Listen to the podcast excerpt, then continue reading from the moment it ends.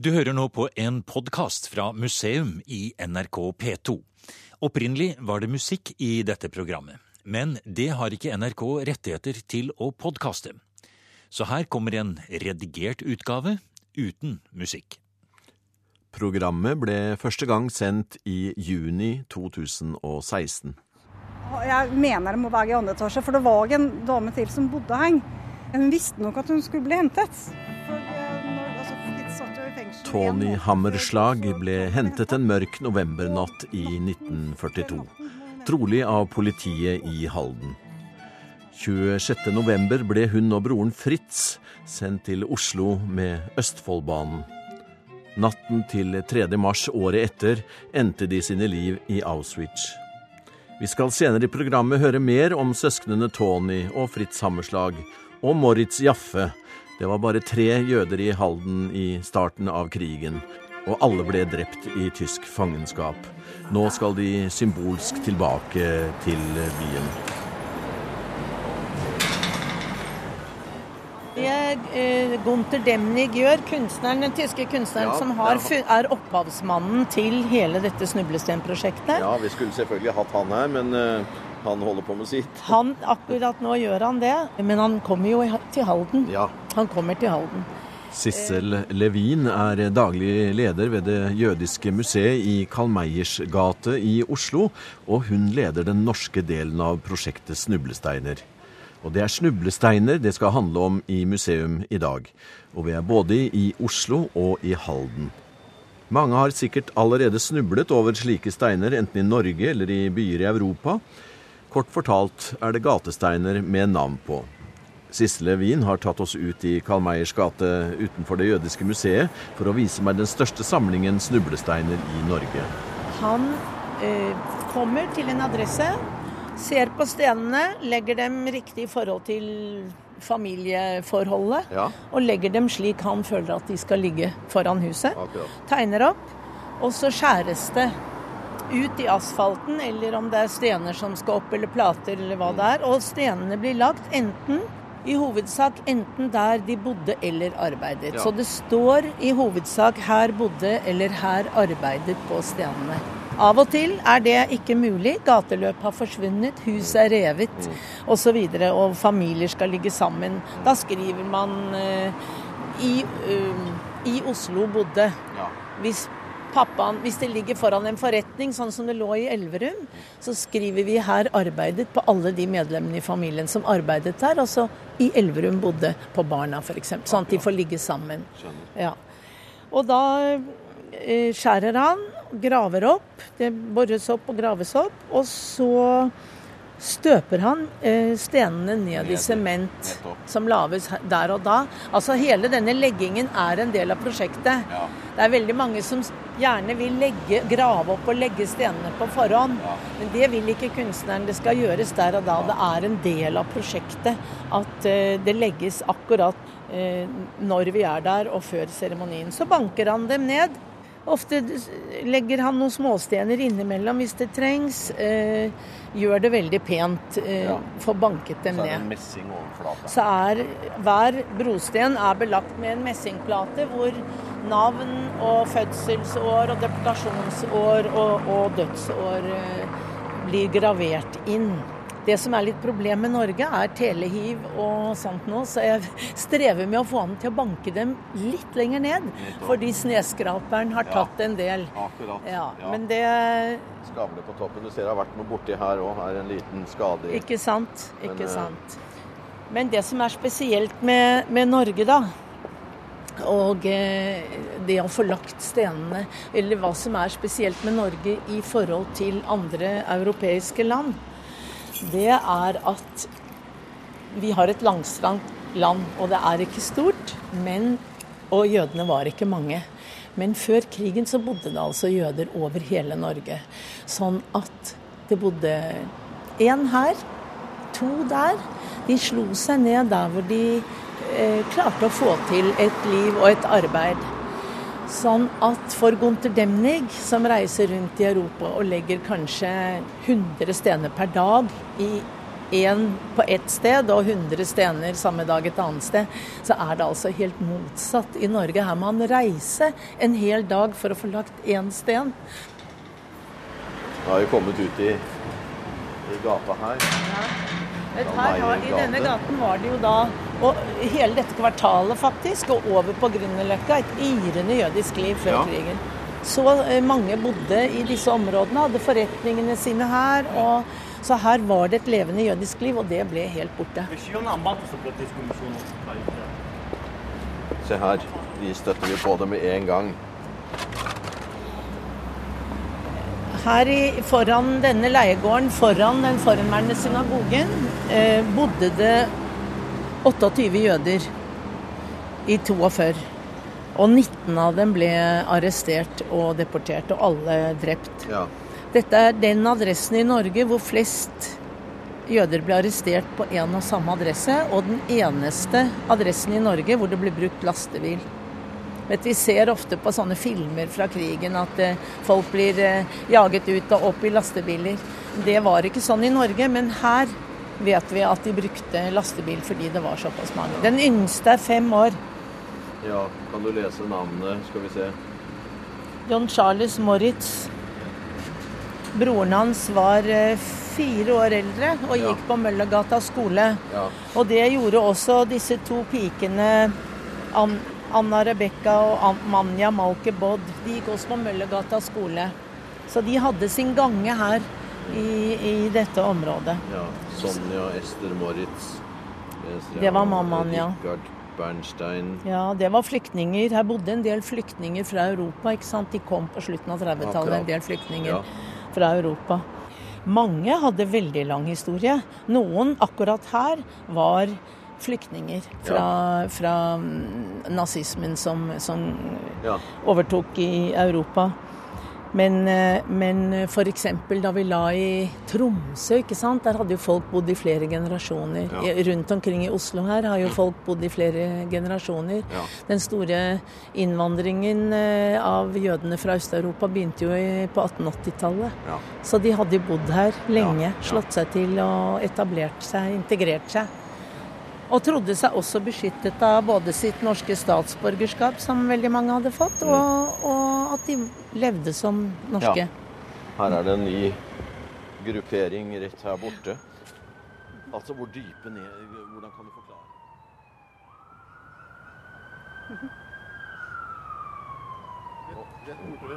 Ja, nå er vi nede midt i, i gågata, eller i Storgata som det heter her i Halden.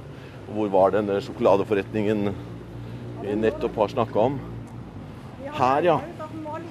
Der borte, litt ja. nede ved hjørnet der hvor Holm Olsen holder på med dameklær i dag. Akkurat. Ja, så det er, ny, det er, en ny bygning nå, da. Det er en ny bygning, så eh, de, de fysiske sporene sånn sett er, eh, er, borte. Ja, det som ligger igjen er jo gatene, altså fortrevet, ja. området. Ja. Så eh, her i Storgata tenker vi altså å sette ned den ene stenen over Moritz Jaffe. Her arbeidet Moritz Jaffe. En liten sten, 10 ganger 10 cm. Ja.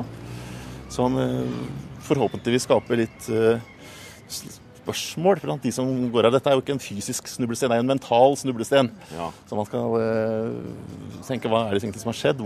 Hvordan var vi med i dette? Og så sies det at en forsvinner på en måte ikke ut av historien før navnet ditt forsvinner. Ja, da og, ja. ja. ja, for da hadde jo egentlig Hammerslag-familien forsvunnet. Helt. Marte Ree Nolett og Jens Bakke er medlemmer i Fortidsminneforeningen i Halden. I lang tid har de lett etter informasjon om Haldens tre jøder.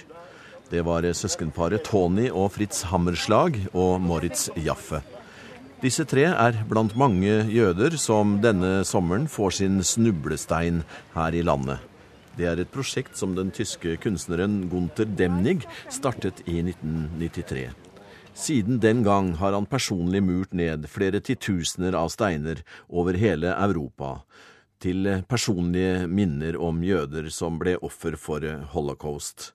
Derfor vil Hammerslag og Jaffe-navnet leve videre også i Halden. Altså, det var eh, Maurits Jaffe som var sjokoladehandler. Og så var det søsknene Tony og, og Fritz Hammerslag. som bodde på Hola og kom fra Tyskland. De hadde helt forskjellig bakgrunn. Altså, de var jødisk kulturell bakgrunn. Men sånn geografisk og sosialt så kom de fra helt forskjellige miljøer.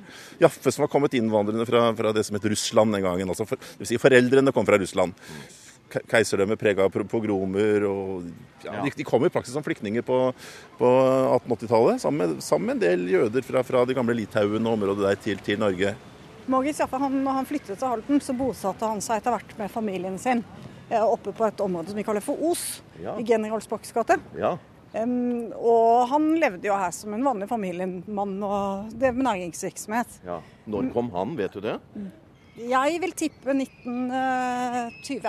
Kom fra en familie som drev innenfor frukt- og grønnsakshandel. Jaffe-familien de var rundt omkring i hele Norge. Uh, og han flyttet alene til Halden. Og ble en Haldenborger som mange vet om i dag, som han har en referanse til, faktisk. Nettopp. Pga. denne sjokoladebutikken. Ja, han har en sjokoladeautomat. Fritz han var en handelsmann som handlet spesielt i skinnvageg. Altså, han var spesialist, og når han bodde i Halden, så, så, jobbet han ikke med handel med da jobbet han rett og slett med å tegne og modellere dameveskeegg og koffertegg og sånn. Ja. Eh, og det var nok langt unna hans sånn primære kompetanseområde. Mens Tony hun var, hun var mesterutdanna skredder. Hun var dameskredder og, og drev sin egen forretning. Hun var nok en meget selvstendig dame, altså. Og jeg, vi vet at hun sydde litt når hun bodde i Halden. Så hun drev med en del sånn skreddersøm.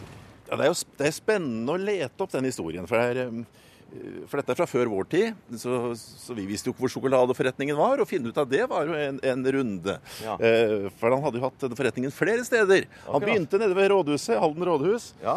Eh, der serverte han eh, belgiske vafler med iskrem. Dette var jo også ganske spesielt. Og Så flytta han altså opp til en ny forretning, eh, eh, sannsynligvis rett før krigen brøt ut. Byens fineste sjokoladeforretning. Eh, så, men så er husnumrene skifta, huset er borte. Historien er liksom på vei til å, til, til å, bli borte. Samtidig så, så, er det jo forunderlig hvor lite dette inntrykk gjorde på Halden i 1942. Altså Det var under krigen at disse jødene forsvant. Det, altså det, var mange som forsvant under krigen. Mange rømte over til Sverige. Det var mye ja. som skjedde. Eh, så det skapte ikke noe oppstuss i Halden som har satt spor? Nei, Det er det som er spennende. Man snakker med eldre haldensere. Så det, nei, vi snakka jo ikke noe om dette på skolegården, vi. Det, det, så kommer det samtidig liksom underliggende at det var vel mange som ikke likte disse jødene. Altså, de kom jo utenfra. De, ja. ja, det, underliggende Altså den, den, den tyske antisemittismen den hadde, den hadde en grobunn også, også, i Norge, selv om vel ingen visste noe om, om eh, gasskammer og utryddelsesleirer i 1942. Verken jødene som selv ble tatt, eller det norske politiet som da var nazifisert og var i praksis dem som henta jødene. Det fascinerende er jo hvorfor de ikke reiste. Altså Her ser vi jo til Sverige og til friheten. Mm. Hvorfor ble det igjen? Uh, Jaffe hadde barn. Han var gift med en norsk dame fra Halden. Ja. Uh, sønnen jobba på rådhuset, og ryktene hadde gått om at det skulle komme til å skje noe. Ja. Uh, så barna klarte seg. Kona klarte seg. De rømte etter hvert til Sverige. Ja. Jaffe ble altså tatt. Han hadde en ny forretning. hvem skulle passe den? Altså Dette var den store investeringen. Det kunne jo ikke skje noe så alvorlig som ryktene fortalte. samme også med, med, med Hammerslach-familien. Altså de Eh, når, når, når, Fritz ble tatt Han hadde jo jernkorset. Hadde med seg jernkorset i fengsel. Tok med seg jernkorset til, til fengsel som nærmest en frihetsseddel. Ja. Eh, men det hjelper jo ikke noe ting så lenge det står J i passet. Eh, mens Tony da satt igjen, og, og også da kunne reise. Men ikke gjorde det fordi hun var uh, sannsynligvis redd for uh, konsekvensene av det ville få for broren hvis hun forsvant. Ja. Så um, det, er en, det, er, en, spesiell historie rundt dem. Eh, og, og, og, som sagt, man, man, var nok ikke mentalt forberedt på det som skjedde. Eh, verken lokalt eller de som er jøder, og som sagt sannsynligvis heller ikke politiet som faktisk var de som, det norske politiet som henta de, de norske politiet som sendte de videre. Ja. Eh, vet dere hvordan det skjedde her i Halden?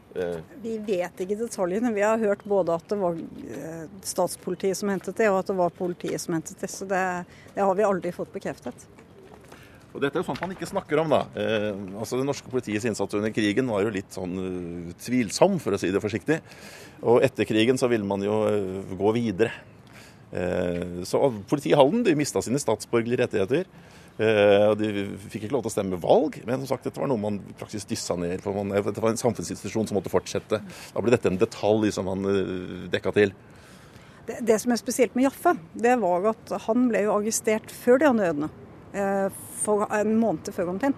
Og det var noen som hadde lagt en løpeseddel i postkassen hans, og han ble arrestert pga. sånn antiokkupasjonsmaktsvirksomhet. Så han satt på Gini.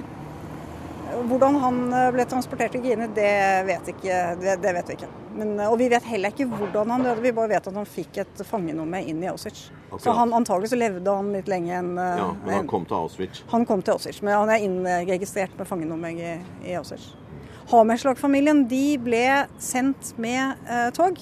Og de hadde en politimann fra Halden som, eller en, en, politimann fra Halden som, som, som uh, fulgte de.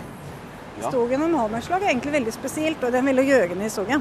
Uh, for dette handler om uh, familien Andersen, som drev Reiseeffektfabrikken i Halden. Og Johan Andersen, når han var en ung mann, så reiste han på opplæring, sånn som han gjorde på, ja, Føg, første verdenskrig, ja, ja. til Frankfurt.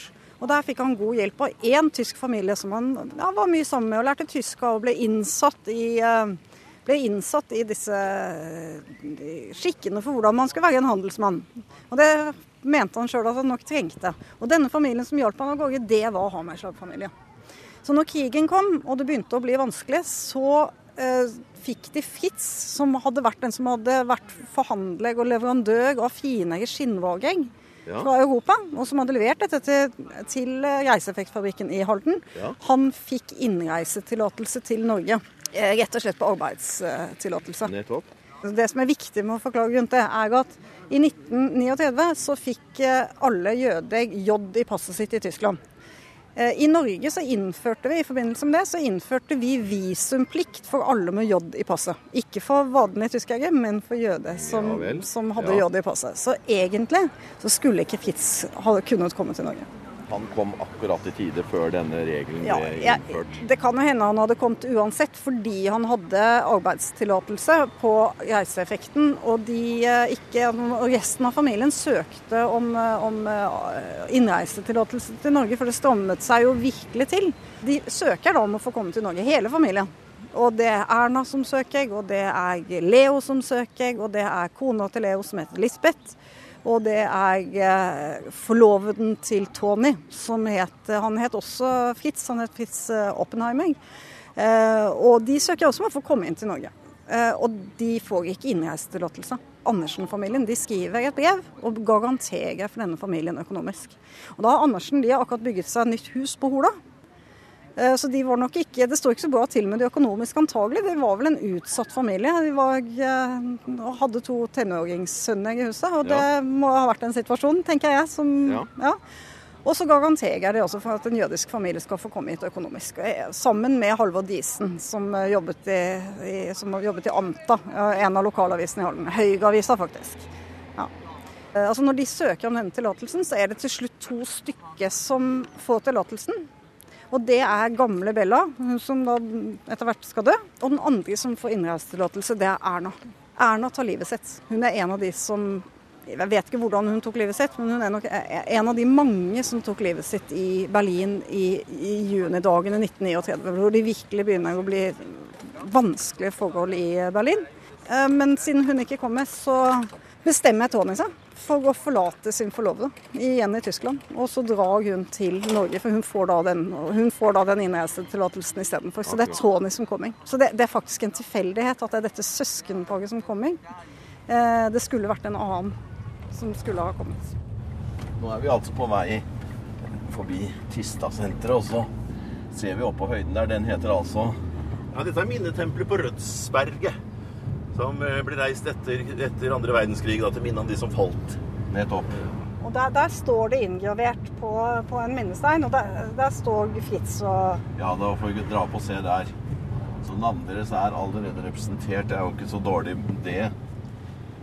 Men det å være i en sånn grenseby, har det Det hjalp jo da ikke når de ikke ville eller kom seg over på svensk side. Det er Sverige vi ser rett her ute, er ikke det? Ja, stemmer det. Rett over Idefjorden så er vi ja. Sverige. Ja. Så dette var en flyktningpassasje. Der kom det hundrevis av tusenvis av flyktninger fra, fra, Oslo og resten av Norge som kom til Halden og flykta over Idefjorden. Ja, her var det stortrafikk. Første til høyre. Ja.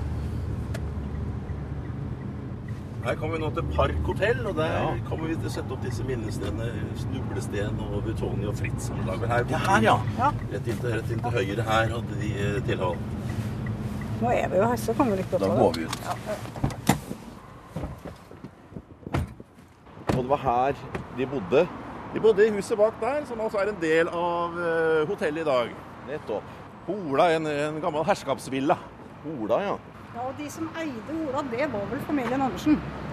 Det var Johan Andersen som eide Ola. Så bygde de seg nytt hus, og det er det huset som ligger på baksiden. Ikke Akkurat. det første, men det huset helt bortenfor. Ja. Jeg mener at de må ha bodd der oppe.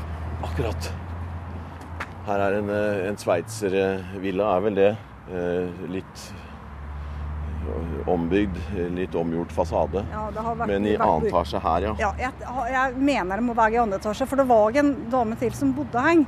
Og den natten Tony Hun visste nok at hun skulle bli hentet. For eh, når, altså Fritz satt jo i fengsel en måned før også Tony ble henta. Mm.